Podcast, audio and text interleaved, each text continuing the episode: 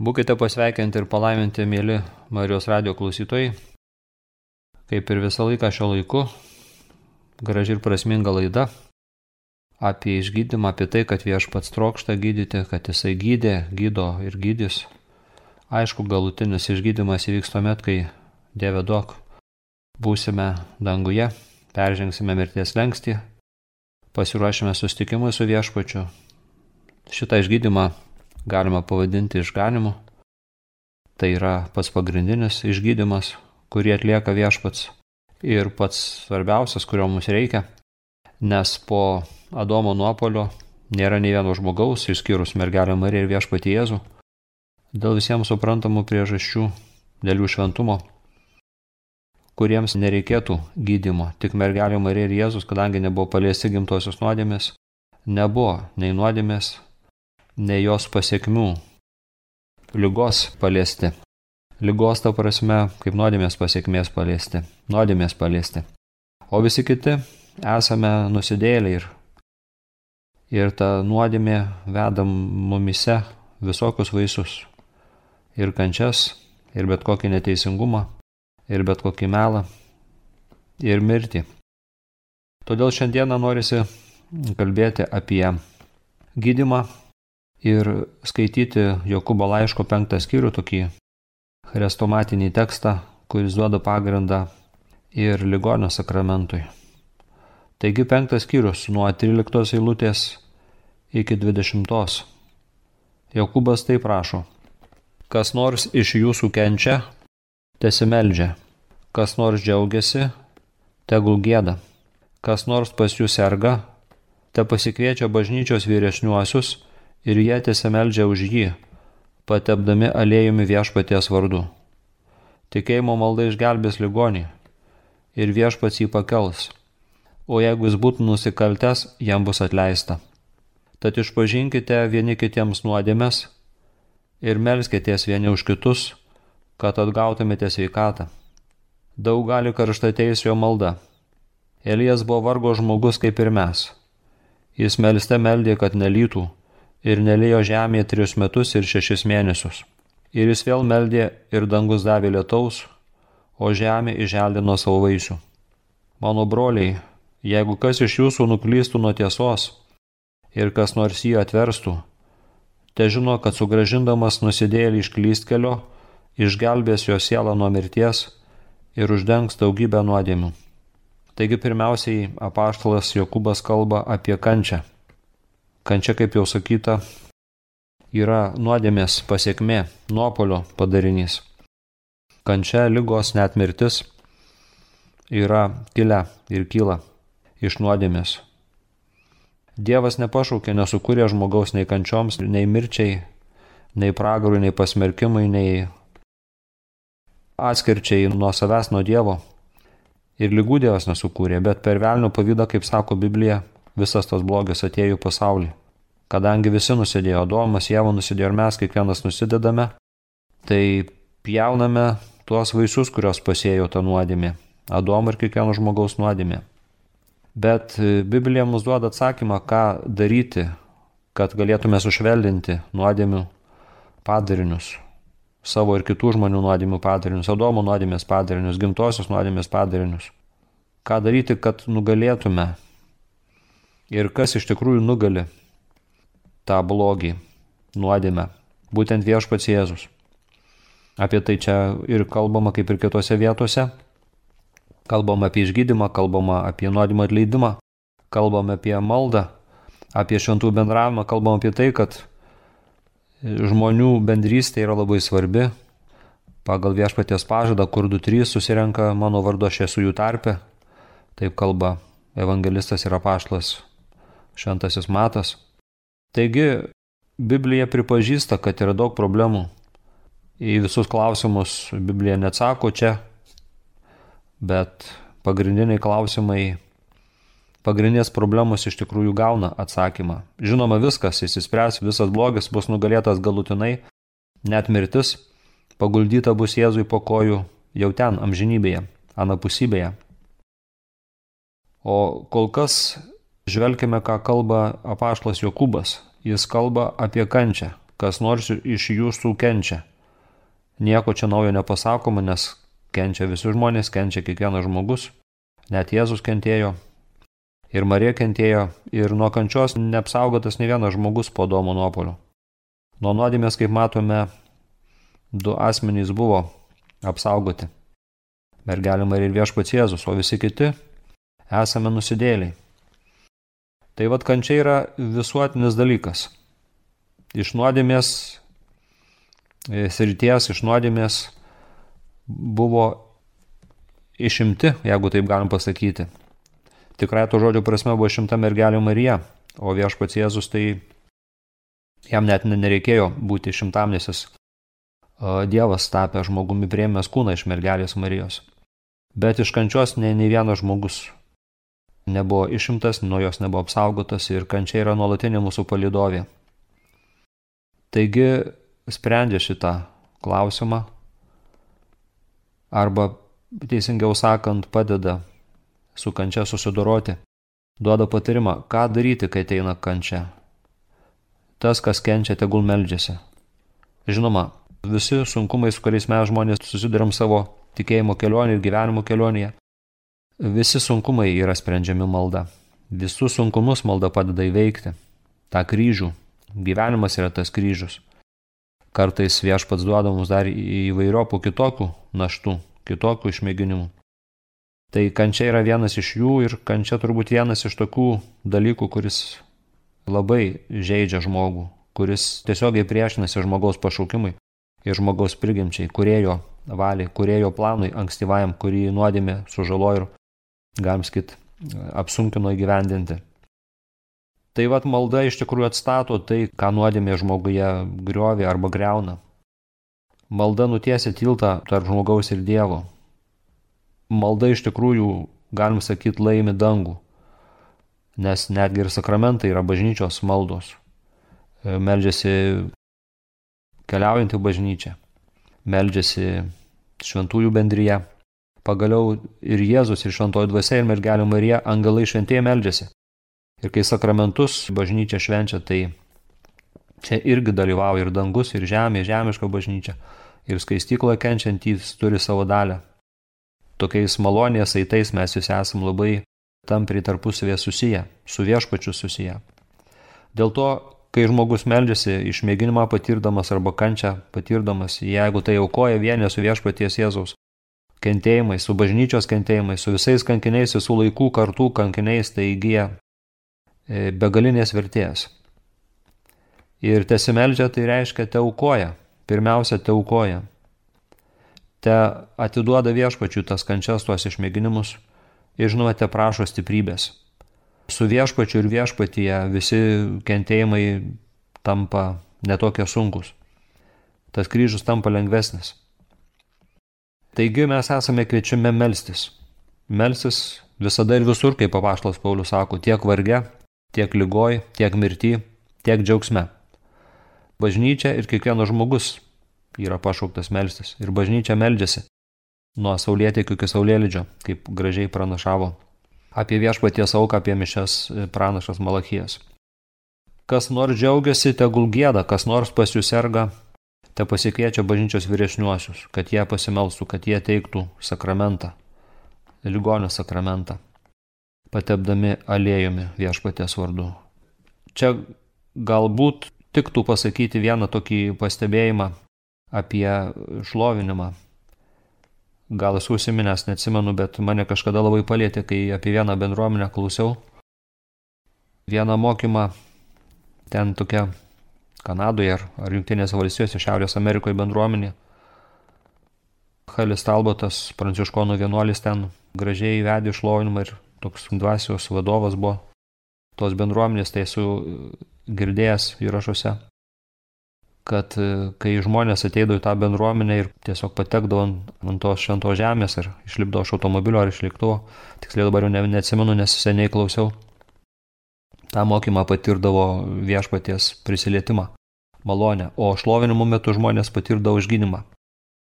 Tai gėdant iš tikrųjų atsiveria žmogaus širdis, Dievo maloniai. Gėdant atsiveria žmogaus širdis, šlovinimo metu atsiveria žmogaus širdis ir šventoji dvasia gali netrukdoma veikti, gali gydyti. Galima net sakyti, kad kiekvienas gydimas galėtų prasidėti šlovinimu, garbinimu, dėkojimu. Atsimnu kažkada klausiau ar skaičiau, skaičiau gal vieną mokymą apie susirinkimą. Didžioji salė buvo surinkę daug žmonių. Junktinėse valstijose turėjo dalyvauti vienas gydimo tarnautojas. Ir susirinko daug žmonių įvairiausių ir lengvesnių ir sunkesnių lygų varginamų.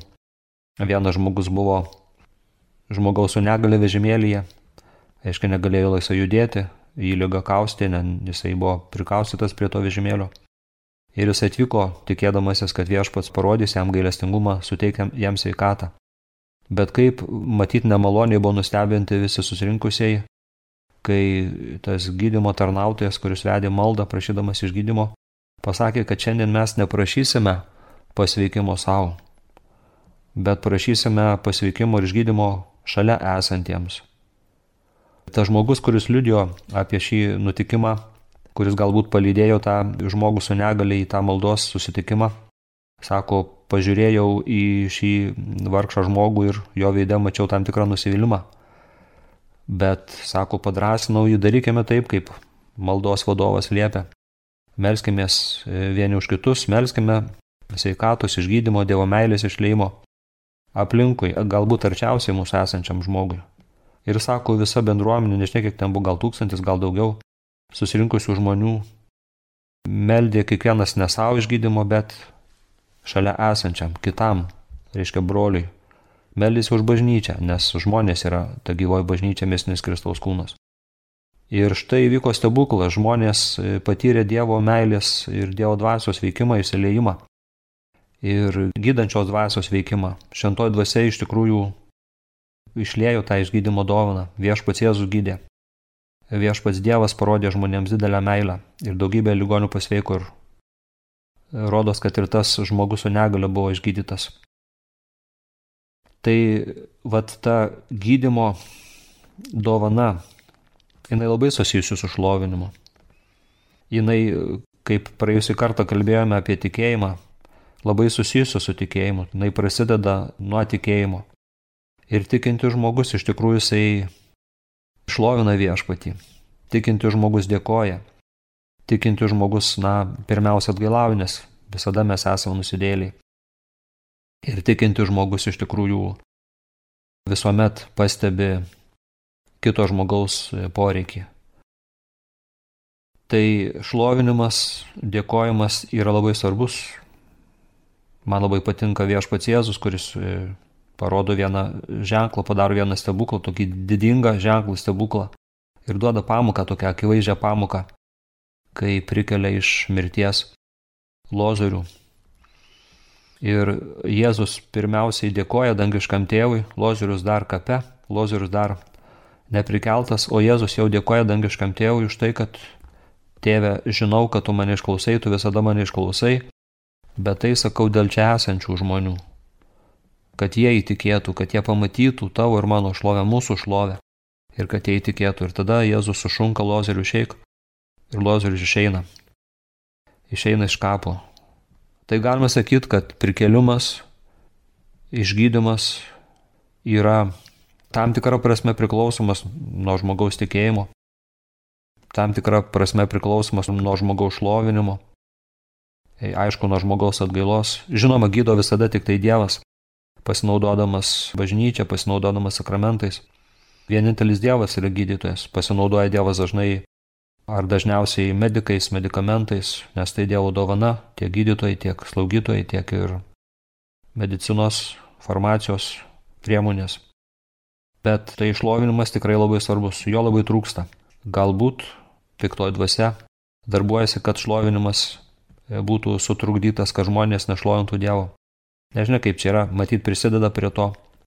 Tai mane kažkaip ateina tas suvokimas toks kaip ir paraginimas paminėti šlovinimą, nes jis išgydymo tarnystėje yra labai svarbus. Tai Dieve duok šlovinimų dvasę, Dieve vesk savo bažnyčią šlovinimą ir kiekvieną bažnyčios narį.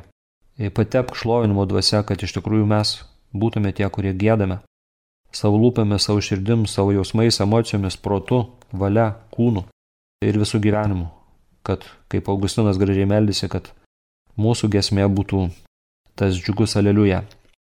Taigi, kas džiaugiasi, tegul gėda, bet jeigu kas nors serga, tegul pasikviečia bažnyčios vyresniuosius ir jie tiesiog žy patepdami lėmi viešpaties vardu.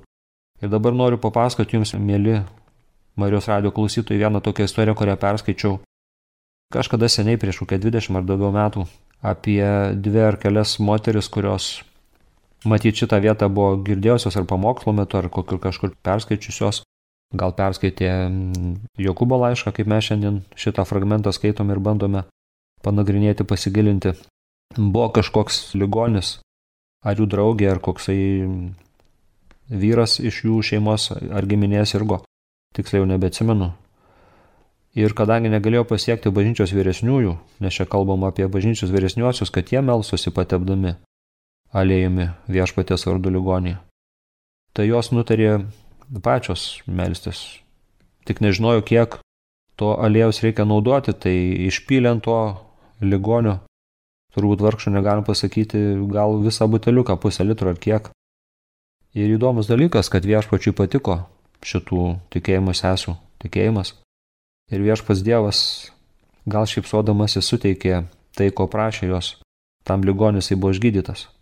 Tai noriu paminėti, kad galima prašyti kunigo, jog palaimintų, tuo alėjumi palaimintų, kaip sakramentalį galima pačiam save ženklinti, galima tepti ligonius, žinoma, tai nepriliks kunigo sakramentui, tai nebus sakramentas, tai tik sakramentalija, bet naudinga turėti pašventinto alėjaus, galima jį vartoti kaip maistą, galima ypatingai, jeigu tai yra kvapnus aliejus, čia daug dabar atveža žmonės iš Jeruzalės, arba galima net ir nusipirkti internetu, gamina tą kvepiantį aliejų, galima prašyti, kad kunigas jį palaimintų ir tiesiog galima save.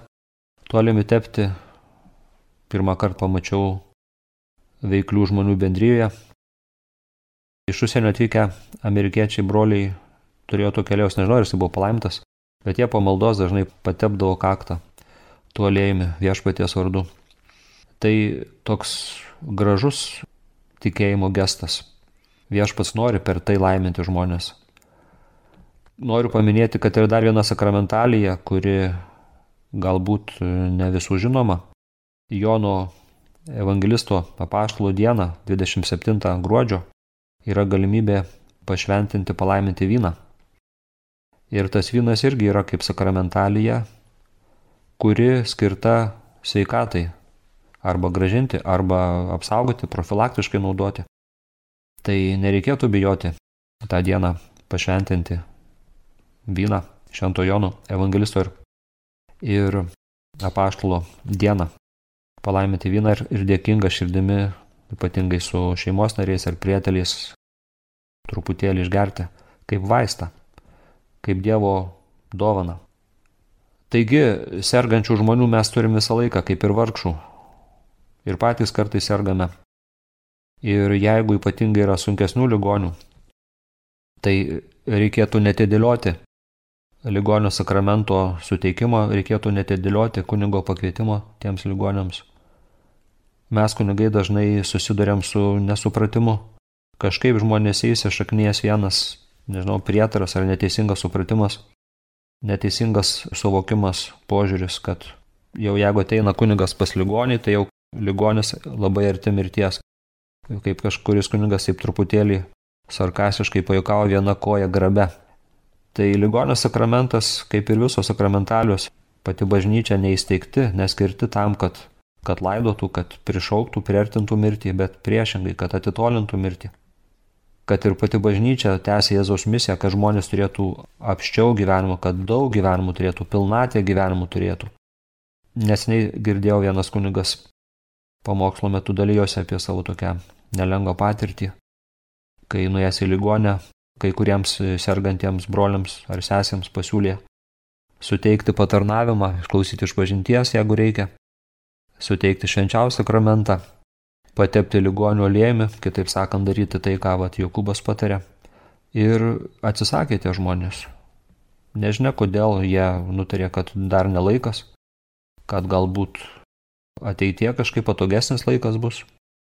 Galbūt kažkaip žmonės dažnai, kaip pasiūlau aš irgi, galbūt atnešti pirmais penktadieniais jums sakramentą, sako, ne, tai gal vaikai mus atveš, tai gal kažkaip patys ateisim į bažnyčią. Ir toks vat dalykas. Pats viešpats Jėzus stovi. Kunigo asmenyje, kunigas turi su savimi švenčiausią sakramentą, kai lanko ligonius ir ligonio lėjų turėjo pasiemęs kunigas. Pats Jėzus trokšta patarnauti per kunigą šitam žmogui, bet pats žmogus atsisako. Visada, kai tai nutinka, jaučiuosi labai nemaloniai. Ir kažin kaip Jėzus jaučiasi, galėtume paklausti, kaip Jėzus jaučiasi, kada jisai beldžiasi į to žmogaus širdį. Nori jį palaiminti, aišku, Jėzus ne visada išgydo, ne visi ligoniai pasveiksta, kurios patepa kunigas viešpaties vardu, bet Čia kalbame dažniausiai apie kūno išgyjimą, tai tokių regimų, staigių, akivaizdžių, greitų, blicinių pagydimų neįvyksta arba dažnai kūnas ir net neišgydomas, bet dvasia, siela, žmogaus širdį viešpas gydo visą laiką. Nes tie trys pagrindiniai išgydymo sakramentai - išpažintis, atgalos sakramentas, šventoji komunija arba ir Euharistija ir ligonių sakramentas tiesiogiai Jie yra gydantys sakramentai ir gydo visą žmogų. Tai kaip svarbu, mielos esate brangus broliai, atpažinti aplankimo metą. Kaip svarbu atpažinti ir išgirsti, kad viešpats stovi arti ir beldžiasi, kad viešpats trokšta ateiti. Ir kaip svarbu ligonėms pakviesti kunigus. Tas paklusnumas va šitam konkrečiam žodžiu, kurį šiandien mes čia skaitome, jis yra labai svarbus, nes Jėzus gyvens tikėjimu o tikėjimas iš klausimo, klausimas, kai skelbiamas Kristaus žodis. Ir kiek daug žmonių numiršta be sakramentų. Dažnai ateina žmonės tartis dėl laidotų ir paklausia, tai kuo sirguna, dažnai būna diagnozė onkologinė lyga. Ir paklausi, tai kiek laiko, kiek metų ar, ar kiek mėnesių sirgo, dažnai būna, kad žmogus sirgo ir du, ir tris, penkis ar net ilgiau. Ir dažnai tai būna, kad netgi keletą metų žmogus sirgo Ir per tą laiką nei pats, nei kiti nesuprato, nesusivokė, kad reikia šitoj lygoj pakviesti kunigą, pakviesti viešpatį. Nes juk su kunigu viešpats ateina. Juk kunigas atlieka viešpatės tarnystę viešpats. Kunigą naudoja pats Jėzus, tepa aliejais kunigo rankomis. Pats Jėzus, na, bažnyčia meldžiasi, o bažnyčia yra ne kas kitas, bet misnis Kristaus kūnas, pats Kristus. Meldžiasi bažnyčios malda. Pats Jėzus gydo, pats Jėzus teikia sakramentą. Jei žmogus ne, nesupranta, gal ligonis nesusiorientuoja dėl lygos, dėl skausmų ir panašių dalykų, bet artimieji tai žino, gydytojai paprastai artimiesiems pasako sunkesnės lygos atveju. Ir tai yra didelis apsileidimas ir tai yra didelė rizika. Rizikuojama to žmogaus amžinybę, to žmogaus išganimu. Nenorėčiau prisimti tokios atsakomybės, ne už vieną sielą. Tai kaip svarbu atpažinti tą aplankimo metą. Atsimenam, kaip Jėzus verkė Jeruzalės, nes jinai net pažino savo aplankimo metų. Ateina viešpats Dievas į Jeruzalę, bet Jeruzalė jį atmeta. Pas savuosius atėjo, savėje jo neprėmė. Kaip gražiai kalba, nu ir tragiškai tam tikrą prasme kalba. Apaštalas Jonas savo Evangelijos prologė. Prisimenu vieną istoriją, kurią kažkada skaičiau ar klausiau. Kažkas padovanojo dokumentinį filmą apie vieną pamokslininką, jis stebi tokį stiprų labai liudymą, mane labai palėtė iki pačirdies gelmių. Kai tas pamokslininkas turėjo kalbėti susirinkusiai bendruomeniai ar bažnyčiai ir jisai jau buvo paruošęs mokymą, bet gal išeinant iš kambario, Dievas jį sustabdė ir liepė pakeisti temą, kalbėti visai apie kitus dalykus. Ir Dievas jam sakė, aš noriu, kad šiandien kalbėtum apie aklą Elgetą Bartimėjų, apie jo istoriją. Ir nesuprato šitas žmogus, kodėl viešpats Dievas nori, kad jisai kalbėtų būtent šią temą, bet viešpats matyti nieko neaiškino, tiesiog lakoniškai pasakė, kalbėk tą istoriją apie aklą Elgeto Bartimėjaus istoriją. Ir kai atėjau tą susirinkimą, pamatė ten vieną aklą vyras. Tas aklas vyras buvo turtingas, turėjo kažkokią kompaniją ar, ar parduotuvę. pyragaičių ar, ar bandelių, ar kepyklą, tiksliai neatsimenu. Ir keletą kartų to pamokslo ar to liudimo metu jisai priartėjo prie šito žmogaus, leisdamas suprasti, kad štai dabar tu esi tas Elgeta Bartimėjus, dabar, dabar viešpats labai arti tavęs, dabar Jėzus nori tave išgydyti, dabar Dievas Jėzus gali tave išgydyti. Ir jisai laukia, kad šitas žmogus, kaip tas Elgeta Bartimėjus, pradėtų šaukti. Arba bent prašyti, Jėzau, išgydyk mane, Jėzau, duok man akių šviesą. Bet tas žmogus nei atgailavo kaip Bartimėjus, nei prašė išgydymo. Kitaip sakant, net pažino savo aplankimo meto. Ir labai nuliūdino šitą pamokslininką, kuris tikrai žinojo, kad viešpats būtų išgydęs. Ir turbūt dar labiau nuliūdino viešpatį Jėzų, kuris buvo pasiruošęs patarnauti per šitą savo e, tarną ir per bažnyčios surinkusios bendruomenės maldą. Ir po kiek laiko ten, po metų ar kelių, tas e, aklasis vėl kreipėsi šitą Dievo tarną, prašydamas užtarimo maldos ar patarnavimo. Turbūt dėl tos pačios priežasties, kad praregėtų, bet viešpats pasakė šitam savo tarnui, nenoriu, kad melsumės už jį tokiu būdu, nes aš jam buvau suteikęs šansą, galimybę, kuriais jisai nepasinaudojo. Kaip svarbu, broliai sesės atpažinti aplankimo metą. Kaip svarbu atpažinti, išgirsti, pamatyti, jog viešpats yra arti. Taigi, ligonio sakramentas, čia su pažadu, kai tai atlieka bažnyčia, bažnyčios tarnas, bažnyčios vyresnysis, katalikų bažnyčios atveju kunigas, katalikų bažnyčios kunigas, viešpaties vardu, tai vyksta išgydymas. Tikėjimo malda išgelbsti ligonį, viešpats jį pakelia. Reiškia, viešpats jį išgydo. O jeigu jisai būtų nusikaltęs, jam yra atleidžiama. Atleidžiamos jo nuodėmės. Ir šitas išgydymas yra daug svarbesnis nes žmogaus išganimas yra pats svarbiausias bažnyčios uždavinys. Bažnyčia tam ir sukurta, kad tęstų Jėzaus išganomąją misiją. Kitaip sakant, Jėzus šiandien išgano per bažnyčią. Taigi jam atleidžiama. Atsimenam, čia yra viena graži evangelinė vieta, kaip atneša Jėzui paralyžiuotą žmogų ir dėl minios negali nešėjai prinešti, tai prardo stogą ir nuleidžia Jėzui prieš akis ir tada Jėzus pirmiausia pasako, tau atleidžiamos nuodėmės. Visi stebisi, kaip čia yra, kad jis ir nuodėmės atleidžia, bet jie sako, o kad žinotumėt, jog žmogaus sunus turi gali atleisti nuodėmės, ir tada kreipiasi į paralyžiuotą, sako, kelkis, imk neštuvus reik namo. Ir išgydo. Ir tas paralitikas atsistoja ir eina namo. Ir visi šokiruoti, nustebę, džiaugiasi. Matome Jėzaus prioritetus. Pirmiausiai atleisti nuodėmės žmogui, paskui išgydyti. Skamba lutiniškai gražus posakis Salvacijo homini suprema lex. Žmogaus išgelbėjimas, išganimas yra aukščiausias įstatymas. Žmogaus išganimas. Ką padės, jeigu žmogus visą pasaulį laimėtų, o savo sielai pakenktų, savo sielai sudarytų nuostolį. Kas iš to? Geriau žmogui nesveikam, lygotam, nueiti į dangų, negu sveikam patekti į pragarą. Tai Dievo požiūris toksai. To niekuomet nevalia pamiršti. Toliau ragina apaštlas Jokubas išpažinkite vieni kitiems nuodėmės ir melskitės vieni už kitus, kad atgautumėte sveikatą. Matome, kaip svarbu išpažinti nuodėmės.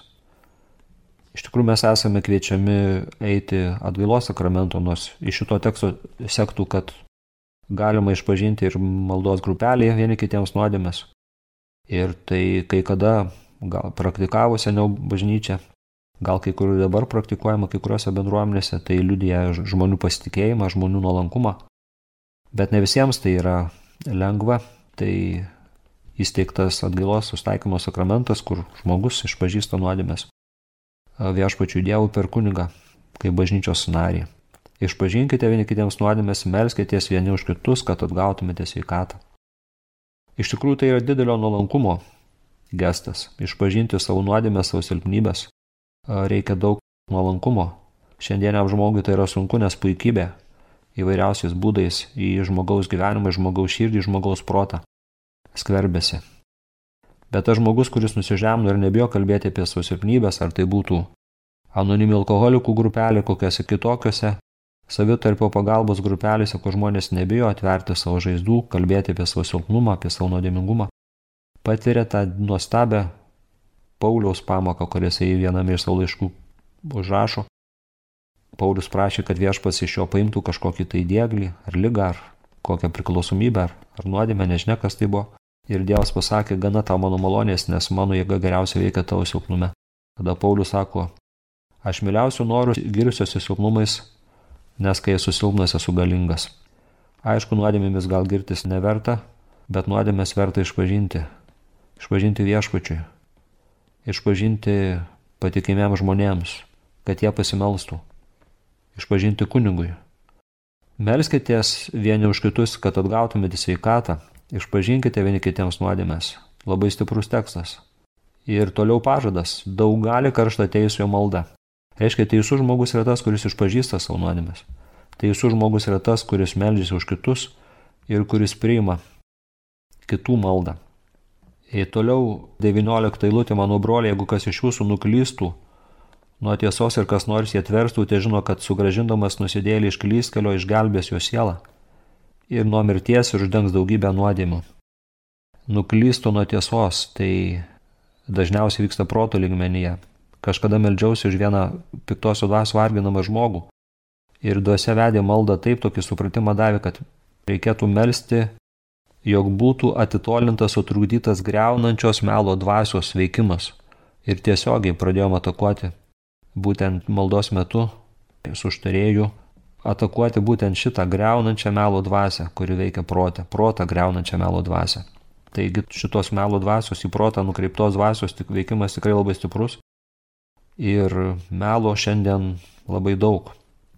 Melas skverbėsi ir jų bažnyčiai, kiekvieno žmogaus gyvenimą. Ir klystančių, apgautų žmonių labai daug, tai jeigu pavyktų sugražinti kokį nors nutolusį paklydusį žmogų, sako, jisai tas žmogus išgelbės jo sielą numirties ir uždengs daugybę nuodimų. Nėra turbūt didesnio, geresnio, gražesnio, kilnesnio darbo, kaip išgelbėti žmogų nuo pražūties, kaip padėti žmogui įsigelbėti. Būti išganytojo Jėzaus įrankiu, konkretaus žmogaus išganimo darbe. Ir noriu pateikti vieno Italijos kunigo Dolindo Ruotolio atvejį. Jisai buvo apšmeištas maldos grupelė žmonių. Ten dvi merginos buvo, turbūt jaunimo grupelė turėjo. Ar bent tos merginos ateidavo į tą grupelę ir jos jie apšmeižė, kad jisai skleidžia erezijas, klaida tikybę, sumaišti kelią, įtampą, žmonės nemiega naktimis, skaldo bendruomenę, gal kai kurie net ir palieka asmenys bendruomenę. Vienu žodžiu, nebūtų dalykų ten. Prirašė ir visą raštą nusintė kažkokį dikasterijai Vatikanų. Išsikvietė iš tą kunigą. Pradžioje nesakė, tarnaujantis žmonės toje dikasterijoje, kad gautas skundas turbūt suspendavo kunigą, negalėjo atlikti kunigo pareigų, mišių laikyti, pamokslus sakyti, turbūt ir sustaikymo sakramento teikti. Kunigas viską priemė, nesiginčio, nemaištavo, nepyko, aišku, skaudėjo jam širdį, bet po to, kai atliko tam tikrą bausmę, kunigas matyt kažkur kokiam vienuolynė uždarytas, ar kur jis ten buvo laikomas, net nežinau. Kažkas iš tos dikasterijos pasakė, kad čia tokie ir tokie žmonės, to, konkrečiai tos merginos, tave skundė ir kunigas buvo sugražintas į savo tarnystę. Tai vienas iš pirmųjų kunigo sugrįžusio į savo parapiją, ten Neapolį kunigavo, buvo aplankyti šitas merginas. Ir jis aplankė jas, bet nepriekaištauti, neteisantis, bet jisai tiesiog parpuolė ant kelių ir, nežinau, ar pabučiavo batus, ar, ar atsiprašė tų merginų, tik nežinau, už kokią savo nuodėmės, gal už meilės to, gal už tai, kad papiktino ar kažkaip paskatino jas į kokią klaidą. Vienu žodžiu, kunigas tikrai labai nusižemino ir atsiprašė jų. Ir toks galbūt keistas nuolankumo gestas, bet to kunigo šitoks gestas, nuolankumas ir tokia meilė, tikra meilė, pasitarnavo, kad jų tėvas įtikėjo, nes jų tėvas buvo masonas. Daugybę kartų buvo kuniga išvaręs iš savo namų arba neleido tiesiog į namus eiti, kai jisai norėjo su jo dukterimis susitikti. Šito kunigo atgaila ir šito kunigo toksai, pasakyčiau, net didvyriškas elgesys su jo dukromis padėjo šitam vyrui sugrįžti į tikėjimą, kurį buvo praradęs ir tikriausiai įsigelbėti. Taigi, Sugražindamas nusidėlį iš klyskelio išgelbės jo sielą nuo mirties ir uždengs daugybę jo nuodėmų. Prašykime, mėly Marijos radio klausytojai, kad turėtume tokią nuostatą. Kad pirmiausia atgailautume už savo nuodėmės, išpažintumės, priimtume maldą, tiek brolių sesų užtarimo maldą, tiek ir jeigu sergame kunigo vyresnio maldą, kad atgautume sveikatą ir kad, kad įsigelbėtume. O patyrę tą išgelbimą ir Dievo prisilietimą galėtume kitiems patarnauti, kaip užtarėjai, kaip viešpaties įrankiai. Ir pabaigai norėčiau paskaityti psalmę, Saušra atskleisk man savo ištikimą meilę, nes tavimi pasitikiu. Parodyk man kelią, kurio turiu eiti, nes į tave keliu savo širdį. Išgelbėk mane viešpati nuo priešų, nes pas tave bėgu ieškodamas užuovėjos. Mokyk mane vykdyti tau valią, nes tu mano Dievas. Te veda mane lygių taku, tau maloningai dvasia. Dėl savo vardo viešpati apsaugok mano gyvastį. Dėl savo teisumo išvaduok mane iš bėdų. Savo ištikimo gerumo dėliai padaryk galą mano priešams ir sunaikink visus mano gėjus, nes aš tavo tarnas. Būkite palaiminti, jums kalbėjo kunigas Antanas Matusevičius, garbėzu Kristui.